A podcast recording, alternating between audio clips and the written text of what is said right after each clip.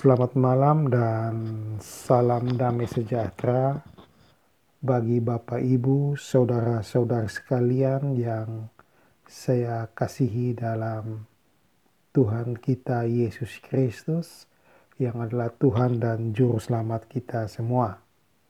Kembali malam hari ini saya menjumpai Bapak Ibu, saudara-saudara sekalian di malam yang kian larut ini untuk saya mengajak Bapak, Ibu, saudara-saudara sekalian membuka Alkitab dan kita sama-sama membaca dan merenungkannya dari kitab Injil Matius pasal 18 sampai dengan 26.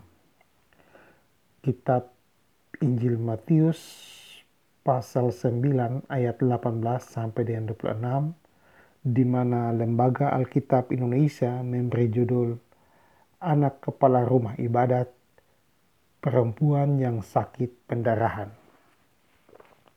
Sementara Yesus berbicara demikian kepada mereka, datanglah seorang kepala rumah ibadat, lalu menyembah dia dan berkata, Anakku, perempuan baru saja meninggal tetapi datanglah dan letakkanlah tanganmu atasnya, maka ia akan hidup. Lalu Yesus pun bangunlah dan mengikuti orang itu bersama-sama dengan murid-muridnya. Pada waktu itu seorang perempuan yang sudah 12 tahun lamanya menderita pendarahan maju mendekati Yesus dari belakang dan menjamah jumbai jubahnya. Karena katanya dalam hatinya, asalkan kujamah saja jubahnya, aku akan sembuh. Tetapi Yesus berpaling dan memandang dia serta berkata, Teguhkanlah hatimu, hai anakku. Imanmu telah menyelamatkan engkau. Maka sejak saat itu sembuhlah perempuan itu. Ketika Yesus tiba di rumah kepala rumah ibadat itu dan melihat peniup-peniup seruling dan orang banyak ribut, berkatlah ia, pergilah, karena anak ini tidak mati, tetapi tidur. Tetapi mereka menertawakan dia. Setelah orang banyak itu diusir, Yesus pun ma masuk dan memegang tangan anak itu Lalu bangkitlah anak itu dan lalu bangkitlah anak itu maka tersiarlah kabar tentang hal itu ke seluruh daerah itu. Demikian jauh firman Tuhan, berbahagialah Bapak Ibu yang mendengar dan melakukannya dalam kehidupan hari lepas hari. Bapak Ibu, saudara-saudari yang kekasih dalam Tuhan Yesus, yang menjadi Ayat emas malam hari ini untuk kita renungkan adalah Matius 9 ayat 21 yang bunyi yang berbunyi karena katanya dalam hatinya asal kujamah saja jubahnya aku akan sembuh.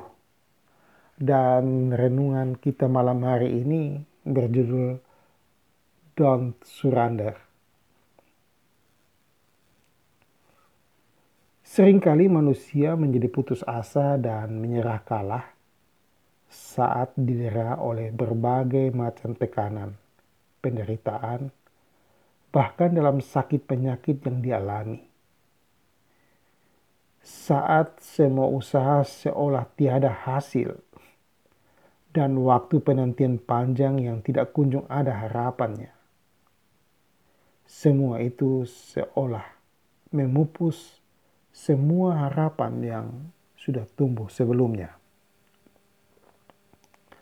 Lalu bayangkan, ada wanita yang malah mengalami sakit pendarahan selama 12 tahun.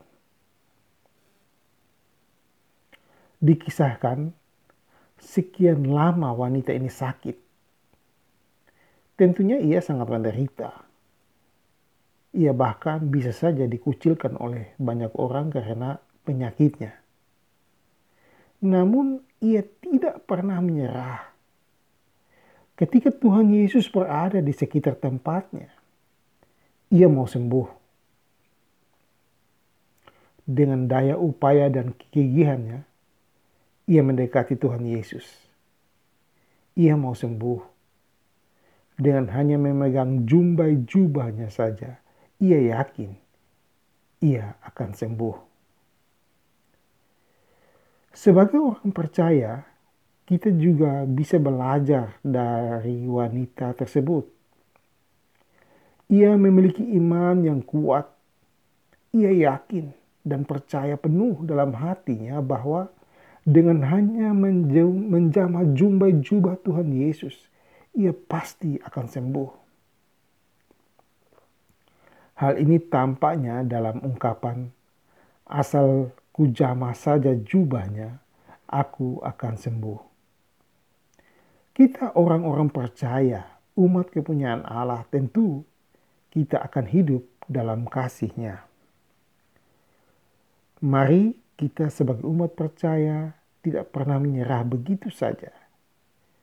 Kita harus tetap memegang kasihnya menghadapi setiap pergumulan kehidupan ini. Yakinlah dan percaya bahwa Tuhan Yesus sanggup menolong kita. Ia begitu mengasihi kita. Dia sanggup melepaskan kita dari semua masalah kita. Karena itu don't surrender. Gemakanlah don't surrender. Terus bertahan dan jangan menyerah. Injil dan kasih Tuhan akan ada buat kita. Niscaya kita akan menjadi pemenangnya. Ibrani 13 ayat 5 mengatakan, Aku sekali-kali tidak membiarkan engkau dan aku sekali-kali tidak akan meninggalkan engkau. Amin. Demikian renungan kita malam hari ini, Bapak, Ibu, Saudara-saudara sekalian.